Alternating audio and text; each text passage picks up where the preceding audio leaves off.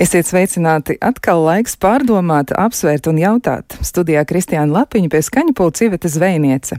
Vai zinājāt, ka ilgākā laulība pasaulē, vai vismaz viena no ilgākajām laulībām, kura ir reģistrēta un par ko ir kaut kas zināms, ir starp Dunanordu, ļoti interesants vārds, tātad Dunanordu Veilārdu un viņa sievu Džēnu. Un uh, ir tā, ka viņi ir precējušies 82 gadus. Viņi apprecējās 1932. gada novembrī, tieši tajā pašā dienā, kad Franklins Rūzvelts Rūzvelts tika iecelts par prezidentu, un pāris tiešām laikam nekad nebija domājis, viņi paši to ir arī savulaik atklājuši kādā sarunā, ka viņi tik ilgi dzīvos kopā, un tomēr viņiem tas ir izdevies. Nu, tā ir tāda ļoti, ļoti skaista epizode e, pasaulē, kur nu, ir satikušies cilvēki, bijuši tik ilgu laiku kopā, un, uz, protams, tāda, nu, tāda liela, nezinu, pat cilvēciski mūžības fona, droši vien tas ir sīkums vien, bet cilvēku mūža garumu ņemot par pamatu, liekas, ka pirmkārt jau viņiem ir izdevies ļoti ilgi būt kopā un arī izbaudīt vienam otru sabiedrību.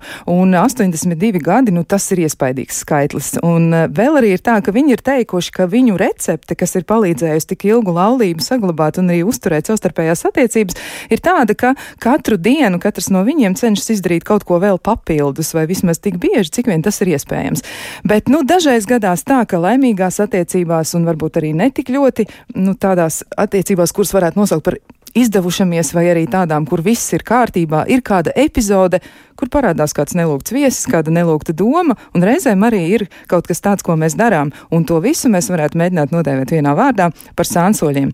Un šodien mēģināsim arī saprast, kā tas ir, vai tiešām mums ir iespējams izvairīties no kā tāda, vai tas būtu kaut kas, kas būtu atzīstams kādā situācijā par normālu, vai tieši otrādi mēs varam uz to raudzīties kā uz izņēmumu. Un lai mēs varētu tikt skaidrībā, kas un kā esam aicinājuši sarunā piedalīties mūsu viešņu, un tā ir Aina Poiša, ģimenes psihoterapeits. Sveicināti!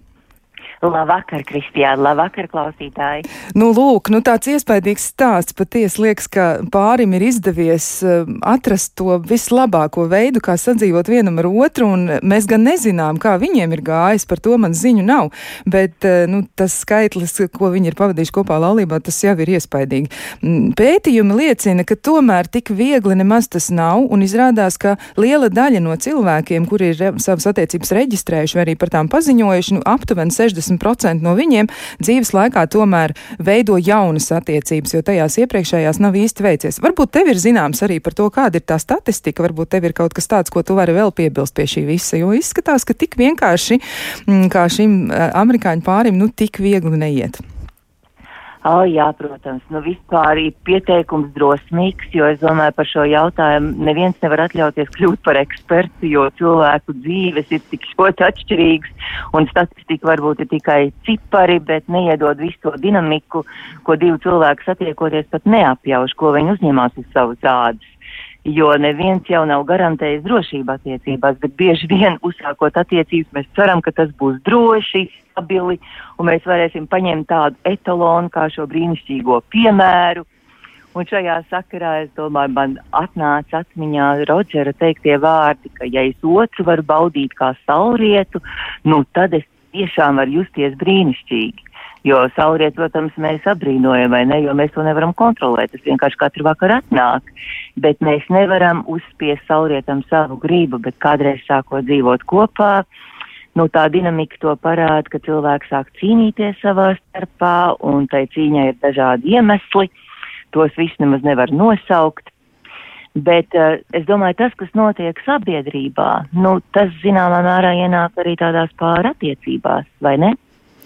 Jā. Un tās pārattiecības eh, ļoti ir spiesta pārstrādāt nu, visu to, kas ienāk sabiedrībā. Un pirmā doma, kas man bija atgriežoties, nevis kaut kur uzkavējoties tādos pozitīvos uh, piemēros, bet atgriežoties šeit Latvijā, ka es domāju, tāda patērētāja attieksme, piemēram, ļoti ienāk arī attiecībās ka mēs sākam otru cilvēku patērēt, ja mums ir jāsaskarās kaut kādām grūtībām, tad mēs labāk atbrīvojamies no grūtībām un meklējam varbūt kaut kādu īslaidzīgu apmierinājumu.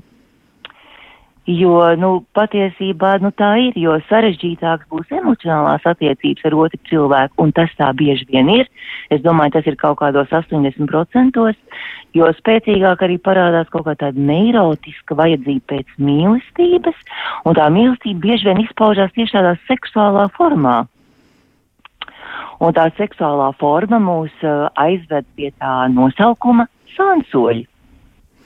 Jā, nu, tu saki, ka tur ir seksuālā forma un tur ir iesaistīts arī seksuālās uh, attiecības, gaidas, vēlmes vai vēl kaut kas, kas ar to ir saistīts. Jā. Bet kā tev liekas, eh, vai nu, tas, ko saka pētnieki arī tie, kas interesējas par pāri dzīvi un arī vispār par cilvēku attiecību veidošanu, viņi saka, nu, ka tas uzskats par to, ka mēs esam nu, lemti viens otram, ja, nu, ja izveidojas partneru attiecības, ka tad būtu jāturas vienam pie otra visu, visu turpmāko dzīvi, ka šis uzskats pamazām tiek pārskatīts un ka nemaz nemaz tik vienkārši ar to visu nav.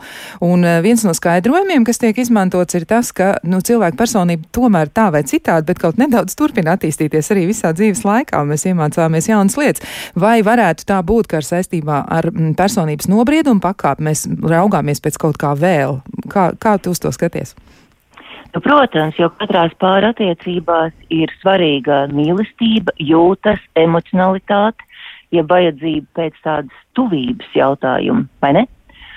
Un līdz ar to tā tuvība ir viens no grūtākajiem jautājumiem, jo bieži vien ir tā, ka mēs, diemžēl, no saviem vecākiem esam saņēmuši mantojumā bailes no tuvības, kas vairs nav mūsu izvēle.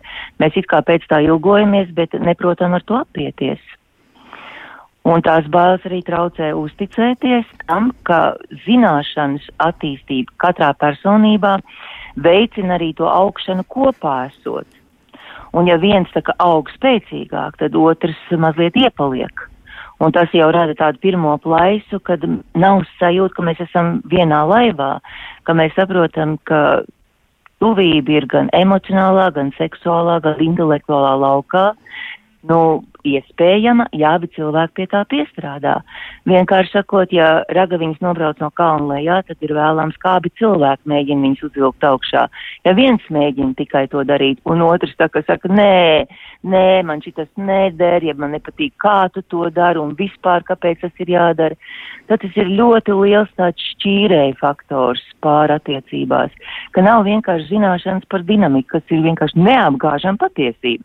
Tieši tā, kā tu teici Mēs katrs augam savā tempā un uh, esam atkarīgi no apstākļiem, kuros mēs esam un kāda mums ir motivācija pieņemt šo attīstību kā dzīves nepieciešamību. Jā, tas... Un uh, šī plaisa uh, ir vēlams, ka viņi varētu uh, abi sameklējot materiālus kaut kā uz, uztaisīt tiltu vai, vai kaut kādu pārēju, lai tas labākais, kas ir domāts, ka attiecībās mēs vislabāk varam augt kopā ar otru cilvēku. Jo es domāju, tas ir vistuvākais veids, kā mēs kā varam spoguļoties un diskutēt. Un tam līdzīgā veidā. Jā, bet tas būtu ļoti vienkārši tad, ja būtu paredzamas tās lietas tik viegli. Jā, jā. bet tas laikam tik vienkārši nesanāk. Nē. Nē, nē, nē.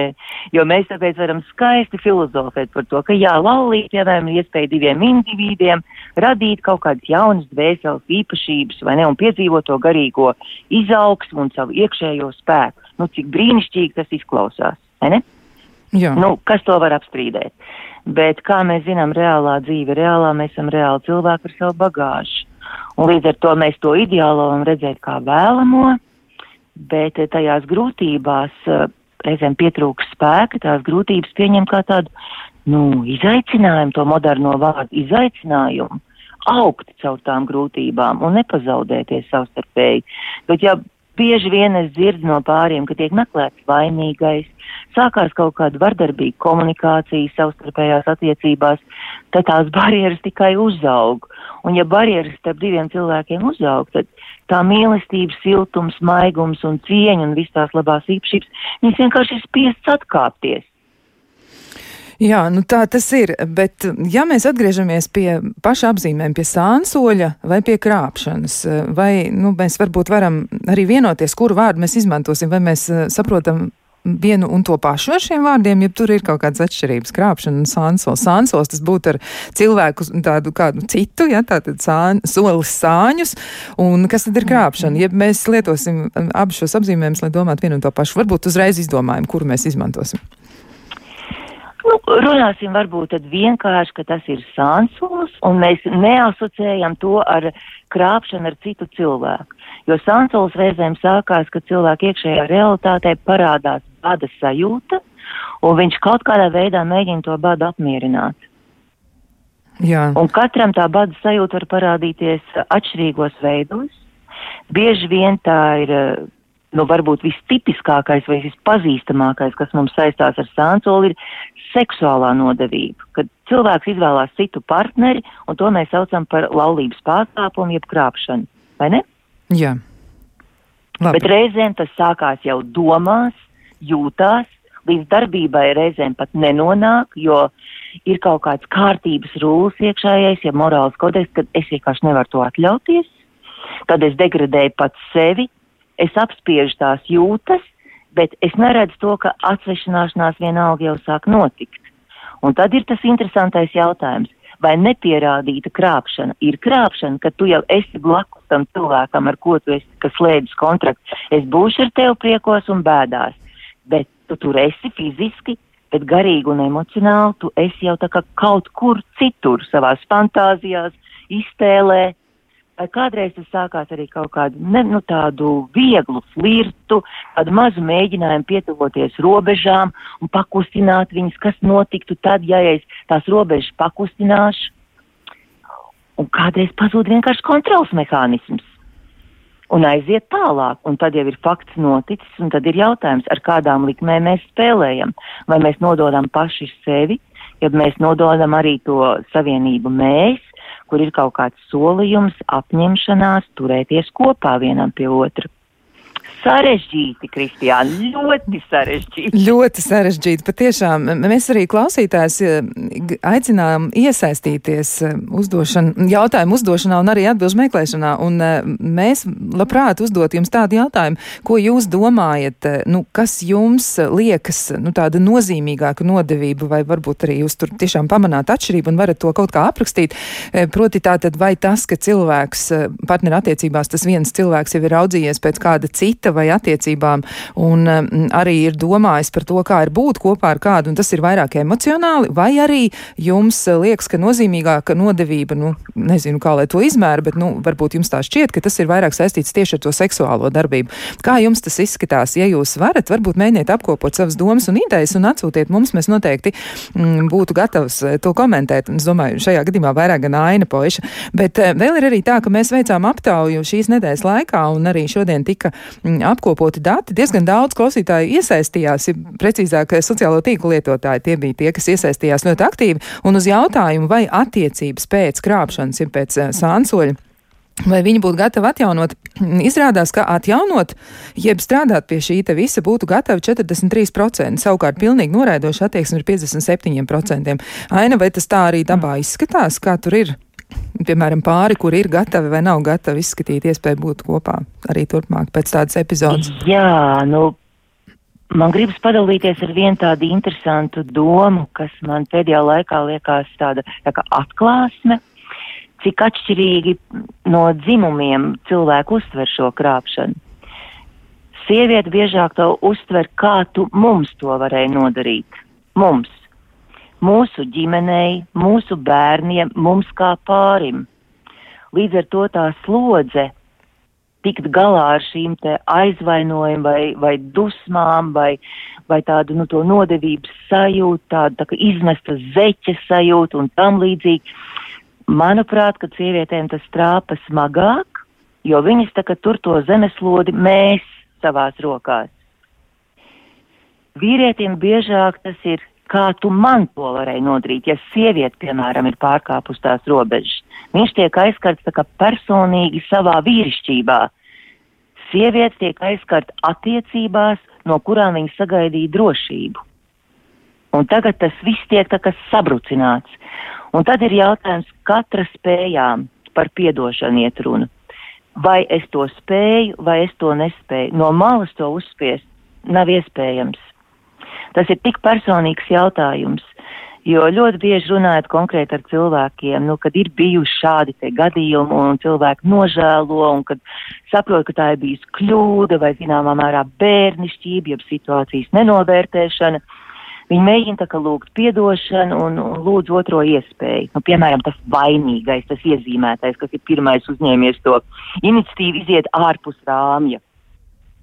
Un tad tam atbildētājiem ir tas jautājums, vai viņš spēj uzreiz, vai viņam vajag laiku, vai viņš apņemās arī tad nezāģēt perspektīvā par šo vienu gadījumu, pieņemsim, ka vienu, ja tas ir viens, bet kādreiz tie mēs būtu vairāki, un tad kurā brīdī tā kapacitāte turēt to vērtību sistēmu, kurā viens ir vairāk pie kārtības, ja pie kaut kāda rāmja pieredzināts, pie drošības pieredzināts, un otrs tagad domā, ha, nu tas jau nekas nav. Nu kas tad tur? Es jau no tevis neeju projām. Es mazliet tikai izmetu mazu loku un es pie tevis atgriežos. Tas ir ļoti sarežģīts jautājums. Jā. Es pazīstu pāris, kas tiek ar to galā, un tad viņi piedzīvo izaugsmi apusēji, un tad viņi sāk risināt beidzot varbūt savu savstarpējās problēmas, kas ir bijušas zem tepiņa kādu laiku, un izdodās. Bet es pazīstu pāris, kur saprot, ka viņi netiks ar to galā, un tas ir viņu lēmums. Jā, ir tāds lati latviešiem jau arī tāds teiciens ir, ka mm, pārautu diegu var sasiet, bet mezgls paliek. Jā, jā, jā. jā ar to mezglu varētu būt grūti. Jā, nu viena no klausītājām raksta um, ļoti aktuāls temats, un uh, viņa rakstā, ka būt laimīgās attiecībās ir katra vēlme. Un, um, ja tas ir tā, tad tas ir liels ieguvums. Nodzīvoja attiec attiecībās 19 gadus, abi bijām laimīgi, bet dzīvesbiedrs šobrīd noraugās no mākoņa maliņas. Un, uh, nu, nav nekā svarīgāk par laimīgu, laimīgu cilvēku attiecībās, un, un visiem to novēlu. Ļoti, ļoti jauks arī stāsts, nu, bez detaļām, bet bet ļoti, ļoti jauks stāsts, kas uh -huh. liek mhm. domāt par to, ka tās ir bijušas tiešām laimīgas attiecības. Un arī no šīs pašas klausītājas ir arī piebilde, kā atbild uz jautājumu, vai viņa varētu to pieņemt. Jā, tad nē, nevarētu. Jā, tā tad tas, tas nebūtu uh mhm. -huh. iespējams. Mm, jā, bet kā tad ir, vai tas varētu būt saistīts arī tādu, nu, ar mūsu vērtību sistēmu, ka mēs varbūt vienkārši nu, uzlūkojam partneri kā savu īpašumu. Viss tagad es esmu um, tava sieva, tu esi mans vīrs, nu tagad uz mūžīgiem laikiem un nekur ne pa labi, ne pa kreisi. Un vienalga, kas ar mani notiek, ja tad es uzurpēju to tavu klāstu klātbūtni un uh, Nu, nekā, nekā nepieļauj to domu, ka varētu kaut kas mainīties. Un tā kā mēģināt uz to pienākumu spiest, vai, vai, arī tā, vai arī tā notiek, un kas tad varētu būt tas rezultāts? Nu, ir interesanti tādi tipiskākie modeļi, es pat teikšu vairāk domāšanas modeļi, bet tie domāšanas modeļi arī realizējās kaut kā dzīvē. Patriarchālā domāšana ir vairāk vertikāla, ka vīrietim ir atļauts vairāk un sievietei ir jāpacieš. Un šādās ģimenēs šķiršanās ir tikpat kā neiespējama, plus vēl nāk reliģiskie uzskati vai pie ģimenes mantojuma, ja mani vecāki nodzīvoja līdz sirmam vecumam kopā, tas, kas tur ir bijis pa vidu, to jau nezin, bet redz to ārējo fasādi, kas izskatās skaisti, viņi svin tur kādu jubileju, un bērniem pat nav nojausmas, ka tur ir bijušas krīzes vai arī iespējamie sānsoļi, bet par to mēs nerunājam mūsu ģimenē. Tas ir tā kā tabū temats. Seksualitāte ir tā kā tabū temats, jūtām ir jābūt ierobežotam, lietu kārtība ir primārā lieta. Tās ir tās ģimenes, kas reizēm ir nelaimīgas, bet viņi tur to rāmi kas notiek ar viņu emocionālo pasauli, un tas paliek viņu ziņā. Un uh, otrs variants ir tas, ka ir izauguši bērni šķirtās ģimenēs, viņiem tāda šķiršanās vai partneru maiņa liekas kaut kas tāds uh, organiskāks, un viņi varbūt reizēm izturās brīvāk, bet reizēm arī mazliet atbildīgāk par to, ka šādos gadījumos varbūt pārsteidzīgi tiek pieņemt lēmumi šķirties, ka tā, tā sānsoļa klātbūtne tajās attiecībās var būt tikai tāds uh, reāls faktors, pamosties un paskatīties, vai mēs vispār esam noslēguši tādu sakarīgu kontraktu savstarpējās attiecībās, ka mēs skatāmies līdzīgi uz lietām, līdzvērtīgi uz lietām.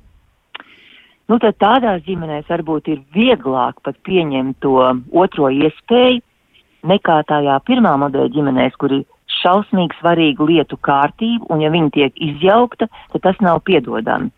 Jo nav tāda elastīga domāšana, kā varētu pieņemt, ka mums ir tiesības kļūdīties, mēs esam cilvēciskas būtnes, mums ir vājības, un kādreiz mēs nevaram atrast īsto adresi, kā apmierināt savas vajadzības, kā piemēram no ikdienas rutīnas aizbēgt kaut kādā kaislībā, liekas vienkāršākā taciņa, kas kā pārēj to narratīvo plūdumu, kas ir diezgan garlaicīgs reizēm, dabūt tādu jūtu uzplaiksnījumu, oh, ir uguns, jūra līdz ceļiem, un tagad es sāku jaunu dzīvi. Un es paspēju nodedzināt reizēm visus tiltus ar pagātni, bet tā skumjā ziņa ir tāda, ka šī kaislība tikpat ātri, cik viņu uzliesmo, mēdz arī apdzist, un nav nekāds noslēpums, ka ir stāsts. Nu, piemēram, nesaucot nevienu vārdā, uh, cilvēks izdara tādu gājienu, izmet loku, apdedzinās un meklē ceļu atpakaļ konkrēti runājot, biežāk, tas ir tipiski manā pieredzē, biežāk ir tā, ka vīrietis ir tas, kas saka, viss, šī brīdī mēs liekam punktu, es esmu atradis jaunu iedvesmu avotu, es aizēju. Nu, viņš aiziet, padzīvo, pirmais eifors pāriet, un viņš saprot, ja viņš pats nav mainījies, viņš ir sagaidījis tikai to impulsu no otra cilvēka, kas viņu atdzīvina, iedvesmo un kaut kādā veidā uzkurbulēs naudošās jūtas, pārējot tam visam atgriežas realitāte, un tu liekas, o, vecā pārbaudītā vērtība man labāk derēja, un mēģina atgriezties atpakaļ. Jā, un tad nu... ir jautājums no sievietes puses, vai viņa to spēja pieņemt, piedot, vai nē. Bet mēs esam pieauguši cilvēki, mēs varam appusēji paskatīties uz šo lietu, un man neviens nevar piespiest piedot to, ko es nespēju piedot. Nu, tā varētu būt. Vilciens aizgājis. Jā, vilciens un ir tikai aizgājis. viens konkrēts gadījums. Pirms daudziem gadiem es vienā pasākumā kafijas pauzē runāju ar vienu vīrieti, uh, kurš uh, kaut kā gribēja laikam pakratīt sirdi, un viņš man ātri izstāstīja savu stāstu. Jā, viņam ir sācies dienas romāns, viņš cienot savu sievu to atklāja viņai, un teica, es negribu tevi mānīt un izlikties, nu tā ar mani ir noticis, lūdzu piedod, es aizeju. Viņš nodzīvoja to otru sievieti gadus uh, patsmit, nav svarīgi, bet diezgan daudz. Tad tās attiecības kaut kā izbeidzās, un viņš atgriezās atpakaļ. Viņš saka, es savai sievai esmu gatavs uzcelt pieminiektu par to, ka viņa spēja man piedot. Es tādus stāstus bieži nedzirdu, bet šis man ļoti silti ir palicis atmiņā. Es domāju, jā, nu, nezinu, vai tas piemineklis kaut kādā veidā nokompensē tās sievietes sāpes vai pazemojumu sajūtu, es nezinu. Vienkārši bija ļoti interesanti uzklausīt, ka jā, tā notiek, nu pieņemam, ka notiek tā. Jā, tā kādreiz gadās, eh, varbūt tiešām tas ir tāds retāks eh, stāsta variants, ir versija, bet eh, vēl man gribētu tomēr apjautāties par to, tu teici bailes no tuvības, kas ir varbūt arī vispār mūsdienu sabiedrībā tomēr raksturīga lieta diezgan daudziem cilvēkiem. Ar ko tas vēl varētu būt saistīts? Vai varētu būt tā, ka tas ir tomēr kaut kas arī par pašvērtējumu, par to, ko es domāju par sevi, un līdz ar to es mēģinu arī domāt par sevi attiecībās, kur esam mēs, un kaut kas īsti nav tā kā vajag vajag, es baidos no šīs atklāšanās, es baidos no iesaistīšanās, un es pati sāku vai pats sāku, nu tā teikt, sabotēt šīs attiecības, vai arī tā varētu būt? Jā, nu tāda attālināšanās, ja beigu sākums ir eh, tāda maza ēna, jeb mākoņa saulē priekšā, kur parasti cilvēkam pat nepievērš uzmanību. Viņi domā, nu kā vējš atnāks un mākoņus aizpūtīs bet ir kaut kādas tādas mazās nianses, kas parāda, ka kaut kas nav. Un visklasiskākais teiciens ir, ka sieviete ātrāk varbūt spēja intuitīvi pamanīt kuģim sūci, bet vīrietis saka, nu, viss ir kārtībā. Vīrietis izmisumā nonāk tad, kad viņš ierauga de facto. Mans viens, viens klients teica, tad, kad es atgriezos mājās, un es iegāju guļam istabā, es atvēru skapi un ieraudzīju pakaramos, kas vientuļi šūpojās bez drēbēm. Tad es sapratu, ka tas kuģis ir nogrimis. Un tad es atcerējos, ka jau kādus trīs gadus bija jūtams vēsums, bija jūtams kaut kāda tāda ignorēšana vai sabotēšana, jeb intereses zudums, seksuālā tāda nu, atsvešināšanās, jau nevēlēšanās, izvairīšanās no visas šīs mazās signāla lampiņas, uz kurām negribas pievērst uzmanību, jo liekas, nu nevar būt, nevar būt, kad ierastā lietu kārtība vienā mirklī var sabrukt. Un tad tas vizuālais efekts, es pilnīgi iztēlojos empātiski viņa vietā, kad es ieeju un to ieraugu, tas ir fakts. Un tas tiešām pa to redzes kanālu, man liekas, iesīs tik spēcīgi. Un tad ir jautājums, vai var vēl iekāpt tajā vilcienā, vai nevar iekāpt tajā vilcienā. Un cik brīnišķīgi ir runāt ar vīriešiem, kuri pamana, kuri ir tik nobrieduši savā personībā, ka viņi pamana ne tikai to kuģi, kas grimst, bet ka viņi pamana, ka sieviete dod signālus, un viņi atrēģē uz tiem signāliem. Viens uh, vīrietis man teica, es gribu saprast, ko es daru tādu, kad manai partnerei uzsprāg smadzenes. Es gribu saprast to, jo tā mūsu savienība man ir svarīgāka nekā mans ego, kurš varētu noliegt visu to un uzskatīt, ka es esmu pilnīgi vislabākais, kāds vien var būt eksemplārs, un man nekas nav jāmaina. Man tas tā priecē, ka cilvēki paskatās tā kā idejas vārdā uz šo savienību, nevis tikai katrs paliek pie sava un iet to ceļu, kas principā attālina. Un tā attālināšanās jau ir beigu process, jautājums, kurā brīdī notiek transformācija, ka viens pieņem lēmumu, tad viss tā turpmāk mēs vairs nevaram iet uz priekšu. Mūsu projekts šī brīdī beidzās. Viss. Jā, nu, mums vēl ir ļoti daudz jautājumu, uz kuriem jāatbild, bet uz tiem visiem mēs atbildēsim pēc ļoti īsa brīža.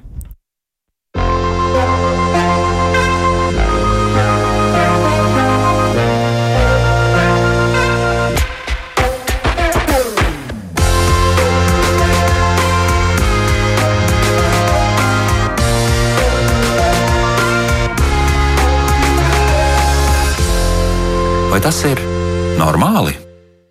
Mēs turpinām sarunu par to, kā attiecībās tikt galā ar epizodēm, kur ir parādījies kaut kas vēl, vai kāds, vai arī kaut kas, proti intereses cilvēks, vai arī nu, tā vien gribas doties kaut kur projām, būt ar kādu citu kopā, un uh, tad ir arī jāapsver, kā tad ar attiecībām tālāk rīkoties, vai tās turpināt, uzturēt, mēģināt saprast, kas notiek, kaut ko mainīt, attīstīt sevi, varbūt iesaistīties arī attīstības procesā kopā ar savu partneri. Jebkurā gadījumā mums ir jāmēģina izpētīt šie dažādie scenāriji scenāriju, un mēs aicinām arī klausītājs iesaistīties šajā izpētes procesā. Un vēl atgādināšu arī, ka noteikti varat atsūtīt kādu ziņu mums, eh, kaut vai sūtot uz e-pastu, un e-pasta adrese ir vai tas ir normāli at Latvijas radio.lv, un noteikti varat arī izmantot ziņojumu logu Latvijas radio mājaslapā, varat uh, tur ierakstīt savu vēstījumu, un uh, noteikti arī aicinām apdomāties, un varbūt kāds arī būs gatavs atbildēt uz jautājumu, kāda jums tad, jebkura jums liekas lielāka nodevība, vai tā, ka cilvēkiem ir fiziska saikne, jeb seksuāla aktivitāte, vai arī tas ir kas tāds, kas ir emocionāli aizvedis uh, šo cilvēku prom no viņa partnera. Ko jūs uzskatītu par lielāku nodevību, vai jūs vispār spējat to salīdzināt? Nu, lūk, un atgādināšu arī, ka mana viešņa, mana sarunbiedrene šovakar ir Aina Poiša, ģimenes psihoterapeite.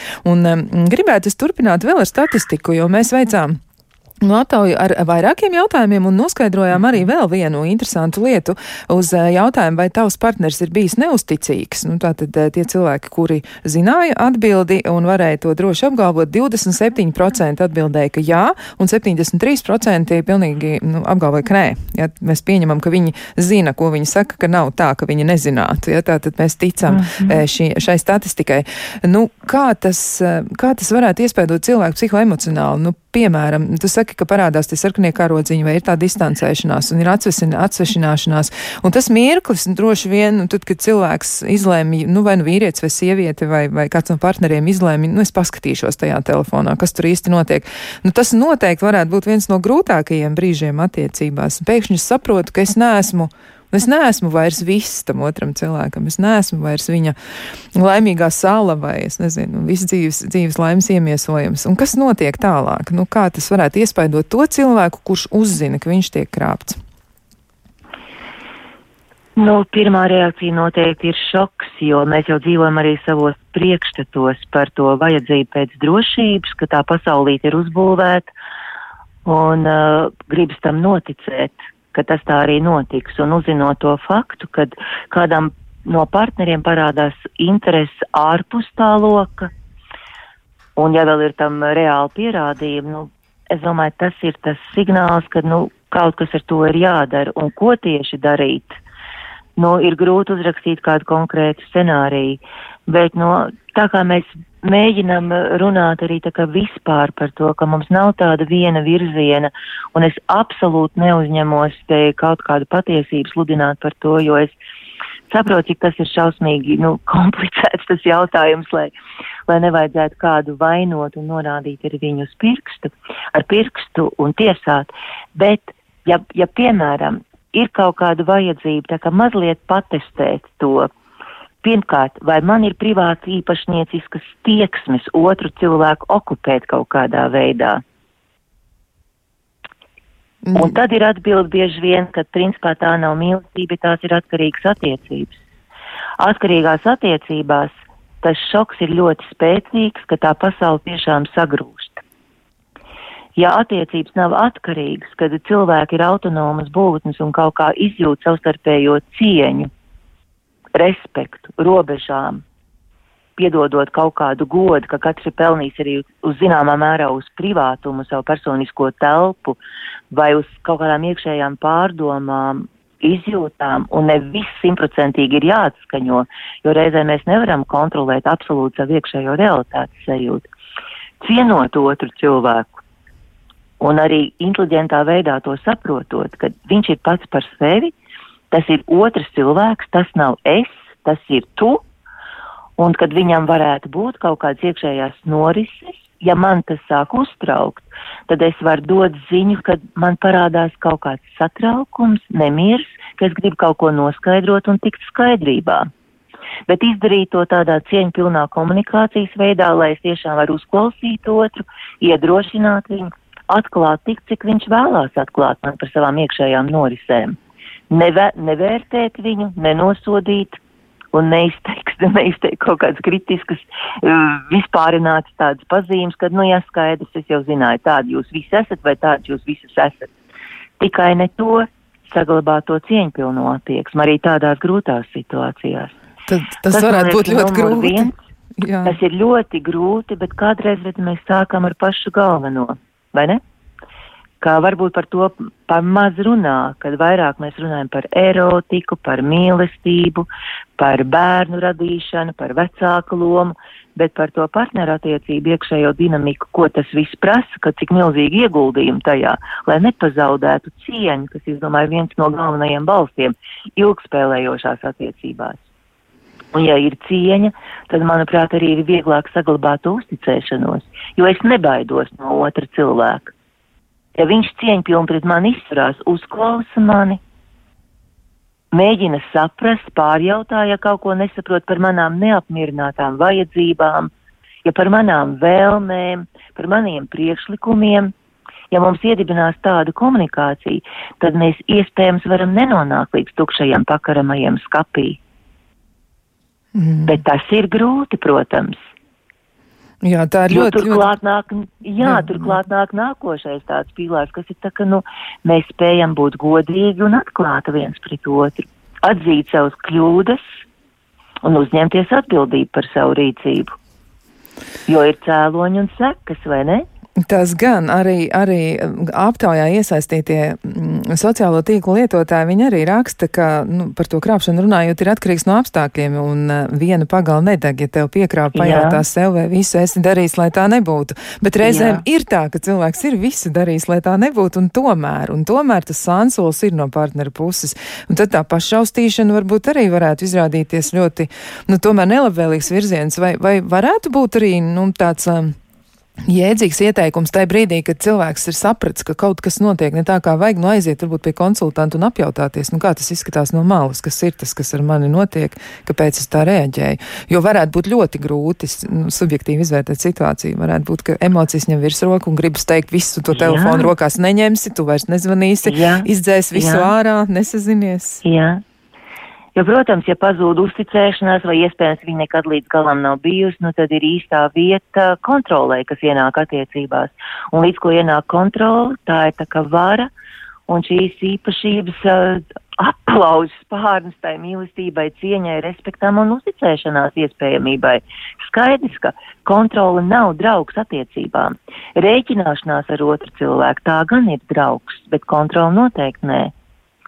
Tāpēc tas ir visbīstamākais, kad mēs aiz nedrošības nejūtam to robežu un sākam paši savā starpā ļauties tām subjektīvām izjūtām un neaizējam pēc skata no malas, kas vienmēr to negatīvo izjūtu mēģina pavērst tā, lai vismaz kognitīvā veidā parādās kaut kāda perspektīva, pienākums, atbildība un tavas subjektīvās izjūtas. Kā mēs varam atrast tajā balansu? Mm. Nu, vēl klausītāji arī saka tā, mm, un arī sociālo tīklu lietotāji, kur iesaistījās, viņi, nu, par to glābšanu, attiecību glābšanu, mm, vēl arī piebilst, nu, viena tāda ļoti, ļoti spilgta, spilgta frāze, ja tev mājās ir griķi, nu, pagaršo ikrus, atnāci atpakaļ, un ko iztēlosies griķis ar ikru garšu, ja, nu, tad ļoti skarba piezīme, mm. bet eh, es te jūtu tādu fatalitāti tajā piezīmē, nu, ka tas, acīm redzot, ir arī tādi gadījumi, kur cilvēkiem liekas, nu, visi tas partners ir krāpis, tad, eh, vai, vai ir bijis šis sānsols, nu, ka tad nav iespējams ceļš atpakaļ, un nevis tāpēc, ka varbūt tas apkrāptais, ja, ja piekrāptais cilvēks eh, to mm, negribētu, bet eh, tāpēc, ka viņš netic tam, ka šīs attiecības ir atjaunojamas. Jā, jo acīm redzot, ja, jau ir kaut kāda tāda iekšējā zināšana par to, kas otram cilvēkam ir pieņemams un kas nav pieņemams. Un līdz ar to varbūt jau priekšlaicīgi tiek izdarīts secinājums, ka, nu, ja plīst, tad plīst, tur neko vairs nevar labot. Jo reizēm tas ir risinājums, kā jau es iepriekš minēju, reizēm tas varbūt ir pārsteidzīgs lēmums, jo ir kaut kāda atšķirība, man liekas, ar to iztāds jauks varbūt formulējums uh, erotiskā inteliģence. Tas ir kas, ka, jā.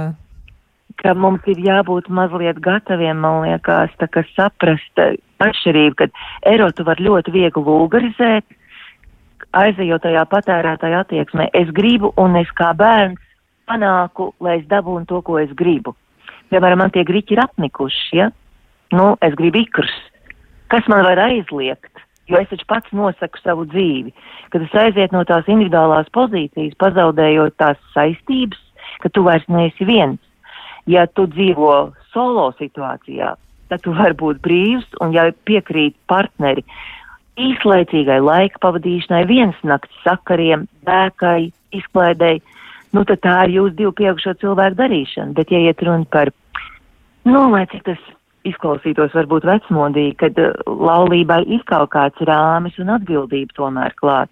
Kad es uzņēmies saistības par cilvēku, ko tu esi pieredzinājis, ar ko tu esi veido, veidojis vai veidojas pieķeršanās attiecības un ir radīti kopīgi bērni un tiek radīta kopīga vēsture. Nu, man reizēm liekas, ka cilvēki nesaprot, kādām likmēm viņi spēlē, un beigās eh, nav jau garantēta uzvara, ir tikai piedzīvojuma garš un reizēm nožēla. Nu jā, neviens nav profilaktiski par to runā. Jā, jā. Es zinu, ka cilvēki reizēm to nedzird. Tad, kad viņi paši to piedzīvo, nu to zaudējumu, visas tās sāpes un tos sadedzinātos tiltus, ir man bijis viens gadījums konkrēts, kad vīrietim ir sieva un mīļākā. Un beigās viņš paliek viens jo viņas abas pieņem lēmumu, ka šis nav tas variants, ar ko būtu vērts veidot kaut kādu kopīgu perspektīvu. Un tad viņš raud, gauž sasars un saprot, vakardien vairs nevar dabūt atpakaļ. Tas ir noticis un fakts. Jā, tā tas ir, bet uh, varbūt tu vēl vari arī komentēt uh, pieķeršanās aspektu, jo tomēr ir tā, ka ilgstošās attiecībās, jo īpaši ilgstošās un arī varbūt atkarīgās attiecībās, uh, pieķeršanās ir ļoti nozīmīga lieta. Kā tad ir, kā atpazīt to, ka es esmu pieķēries tam cilvēkam un varbūt pat viņu vairs tā īsti nemīlu, bet man vajag, lai viņš ir blakus. Kā, kā to noskaidrot un kā saprast, kas tad īstenībā tur strādā, jo varbūt tiešām partneru attiecībām būtu nu, pat iespējams beigties, eh, bet, eh, nu, iespējams varētu arī meklēt jaunu perspektīvu, gan viens, gan otrs eh, partners, bet tomēr ir tik ļoti, ļoti grūti atlaist to cilvēku. Kaut arī, nu, mēs saprotam, ka dažreiz tā ir.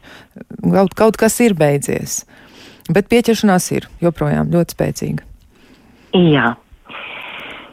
Nu, tad vienmēr ir ļoti grūti saprast arī, kas ir tas labākais, ko ir vērts saglabāt un uh, netvīkt pēc tā, kas varbūt ir tā kā vilinājums, bet tur arī nav nekādas garantijas, jo es domāju, tās pieķeršanās jūtas reizē mums iedod kaut kādu dziedinošu attieksmi, ka mēs jūtamies komfortabli un drošībā, ja mēs pieķeramies kādam cilvēkam, ar nosacījumu, ka mēs viņu nenomācam un nepaģēram no viņa vairāk nekā viņš spēj dot. Jo mīlestība tas ir tāds jēdziens, ko katrs var staipīt uz savu pusi un ielikt tajā, nu, savu saturu. Ar gadiem mūsu vērtības arī mainās. Un tad mēs pārskatām, kāda mēs bijām, kad mums bija 18 gadi, kāda mēs bijām 30 gados, 40 un, un vēlāk, vai ne? Mēs tā kā mainām savu attieksmi pret lietām, mēs tā kā dzīvi labāk pieņemam visā tajā spektrā, jo saprotam, ka nekas nav absolūts, bet tāda pieķeršanās, kas veido tādu tuvību, sadarbību, kas iedod uh, tādu ekonomisko partnerību, kopīgu atbildību par bērniem. To ļoti bieži vien nosaka arī, kādā vecumā ir bērni, vai tas pāris ir tādā ģimenes fāzē, ka tiem bērniem vēl ilgi ir jāaug līdz patstāvībai. Tad bieži vien ir tas jautājums, vai bērnu dēļ mēs dzīvojam kopā, jo mēs kā partneri vairs nespējam. Nu, tad skaidrs, ja viņi abi pieņem to lēmumu, ka viņi kā vīrietis un sieviete to partnerību nevar noturēt, tad bieži vien viņi liek akcentu uz to, bet mēs kā vecāki varam funkcionēt, jo mums kā partneriem joprojām mēs esam labi draugi, mēs labi sadarbojamies, bet mēs neaugstam viens pēc otra. Jā. Ir nu, tādi modeļi. Ir, ir tādi modeļi arī ir. Nu, vien, Galvenais, ka nav kara ģimenē. Jā, nav kara. Jo karš nav tikai starp Ukrainu un Krieviju. Kā šodien mēs varam piemēroties tam kontekstam, kas notiek uh, ap mums, Bieži vien ir karš arī ģimenēs, kad kāds kādu tomēr mēģina pakļaut, ierobežot, varmākot, ne, ne tikai fiziski, bet emocionāli, ko ir visgrūtāk pierādīt, sagrauj to otru cilvēku. Jā. Un viņš sāk justies bezpalīdzīgi un pieņem to kā dzīves normu. Tad gan ļoti gribas iejaukties tajā un teikt, katra dzīve ir pietiekami vērtīga, lai tu neliktu uz tā altāra tādu upuri, ka tās pieķeršanās vārdā vai drošības vārdā tu upurē pats savu iekšējo lab, labo sajūtu par savu vienīgo dzīvi. Nu, tā sanāk. Bet tas ir retorisks jautājums, jo cilvēkiem, kas ir tā kā jau iestrēguši tādā upura apziņā, viņiem nav perspektīvas, ka viņi neredz tā kā risinājumu bieži vien, un nevar draudzens labi gribot sakt, ej projām, tu taču redzi, kas tur notiek nu, nevienmēr tas strādā, ka kāds tev saka, kas tev ir jādara no malas, jo tās savilc, savilcēja efekts ir, ir milzīgi spēcīgs, kaut arī tas ir patoloģisks.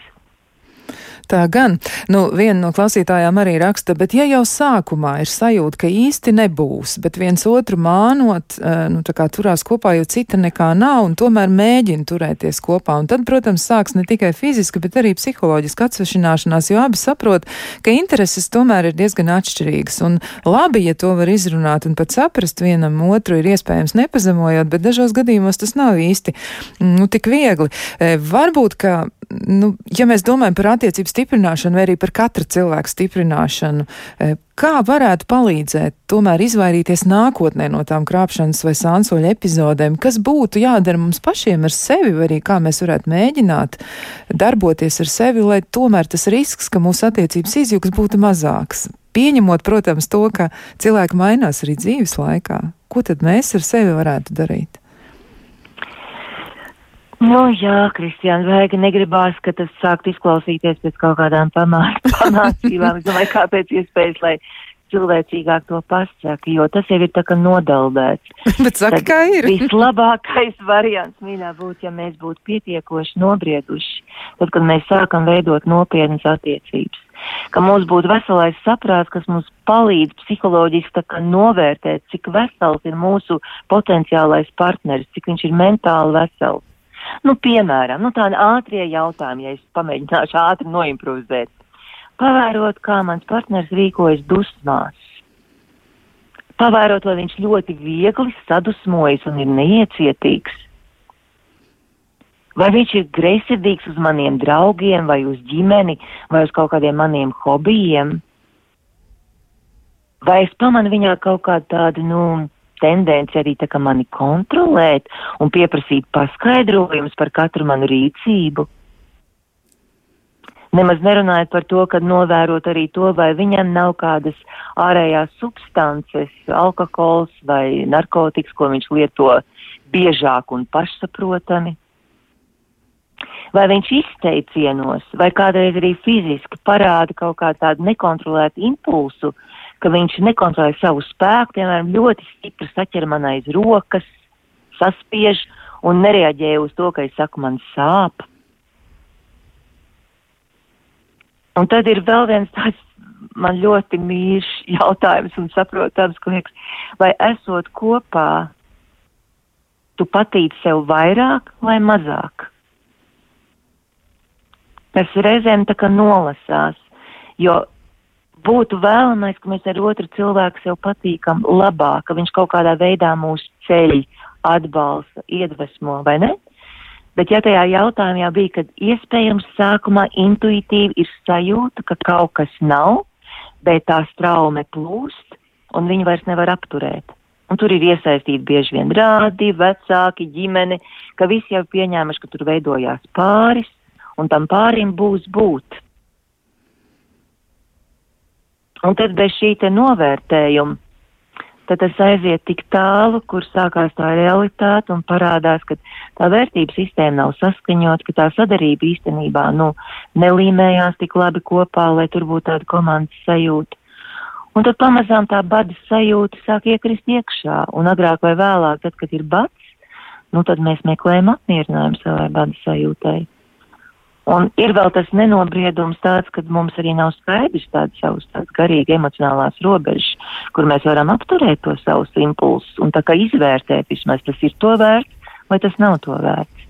Kura ir tā konkrētā cilvēka atbildības zona, kurā viņam ir jāredz sevi no malas? Cik labi būtu, ja mēs visi to spētu un būtu spējuši arī tad, kad bijām jauni un dumi. Mm, jā, tas, nu. tas būtu labi, ja mēs to tajā brīdī spētu, bet mēs jau ne jau tikai tad, kad esam jauni un dūmji, mēs eh, mēdzam arī iemīlēties arī turpmākās dzīves laikā, un reizēm tas notiek ļoti strauji un ļoti ātri, bet Jā. Eh, vai varētu būt arī tā, un kā tev, eh, kā cilvēkam, kurš strādā kā ģimenes psihoterapeits, kā tev tas izskatās, vai tas, ka cilvēks atzīst, ka viņam ir kādas vajadzības un saprot arī, ka godīgi runājot un godīgi izvērtējot savas attiecības, iespējams, viņš tur nu, nevarēs šīs vajadzības apmierināt, vai tas varētu būt arī tāds labāks risinājums, būt tik tālu godīgam, ka pateikt partnerim, ka nu, šo nākotnes perspektīvu īsti es nevaru ieraudzīt, un ja mēs pamēģinam ar to darboties, varbūt mēs varam kaut ko panākt, bet būtībā varbūt arī tā, ka es nu, neredzu to nākotni ar mums, un varbūt nebūt ar to sānsoli, ja, neaiziet uz vienu nakti prom vai uz divām, bet varbūt reizēm ir vērts tiešām šīs attiecības pārskatīt un arī varbūt izbeigt to savienību. Kā tev tas izskatās, balstoties uz pieredzi? Reizēm ir riskanti piedāvāt pāriem šādās situācijās iepauzēt, mazliet tā kā atdalīties un pārvērtēt un satikties tad, kad jau var tā mierīgi pārunāt visu šīs lietas cik nopietni tas ir, kurā ir jāpieņem tāds lēmums, ka viens pasaka, es neredzu mums nākotni. Es vienkārši viņu neredzu. Man ir izbeigušies resursi, un paldies par šo laiku, ko mēs pavadījām kopā, bet tālāk es iešu viena pati, kā dziedāja tajā dziesmā. Jā. Tad es domāju, tas ir viscivilizētākais veids, kā cilvēku ar tādu attieksmi, kur ir tā cieņa un novērtējums par bijušo, māka aiziet ar pateicību sirdī. Tad neviens nav nolemts uh, dzīvot attiecībās kā verdzībā, nu, obligāti nepieciešams palikt tur un justies nelaimīgam. Tas ir grūti pateikt otram cilvēkam godīgi, jo tev ir jāapzinās, ka tavs lēmums izraisīs sekas, un tu nevari vienmēr prognozēt otra cilvēka reakciju. Uz to ir jābūt gatavam, bet es domāju, tāda drosme un godīgums man liekas, ir eh, augstāk vērtējams. Un šeit es nerunāju par kaut kādu kājas paslīdēšanu, kas varbūt bija nenopietni, stulbi. Un kādreiz, kad cilvēks saka, labāk, ka tu to dari un es to nezinu, Es esmu dzirdējis, ka sievietes saka, darbi tā, lai es to nezinu. Ja tev ir tāda nepieciešamība, ka tu esi tāda personība, ko tautā saka, nu ir tādi staigātāji, kuriem nekad nav gana, nekad nav sācis sajūtas. Viņiem vienkārši visu laiku vajag kaut ko piedzīvot jaunu. Tad dari tā, lai es neredzu. Tas ir viens atti attieksmes veids, ko es esmu dzirdējis no sievietēm. No vīriešiem šis nav iespējams, jo es domāju, viņiem vairāk ir tas personīgais aizvainojums, kad ja viņi kādu izmaina pret citu, tad viņš ir izkonkurēts un to ir ļoti grūti pārdzīvot. Grūti man, Kristiāna, tev ir pateikt, kā īsti mums šādās situācijās rīkoties, bet es jebkurā gadījumā saku, katram cilvēkam ir tiesības kļūdīties, neviens nav robots. Tā kā tu teici, mēs neesam dumi tikai jaunībā, mēs arī briedumgados mēdzam just, ka tās jūtas vai kaut kāds uzmanības deficīts ilgstoši. Pēkšņi sievietē liek justies iekārotāji, viņi saņem kaut kādu uzmanību no vīrieša. Un tas ir tas viņas bats. Un viņi varbūt nedomā par ilglaicīgām attiecībām, bet viņi izbauda to mirkli, un tas kaut kādā veidā viņi atgriež tādu ticību, ka nu, viņa ir sieviete, viņa nav tikai bērnu māte, jeb sieva, kas rūpējās par vakariņām.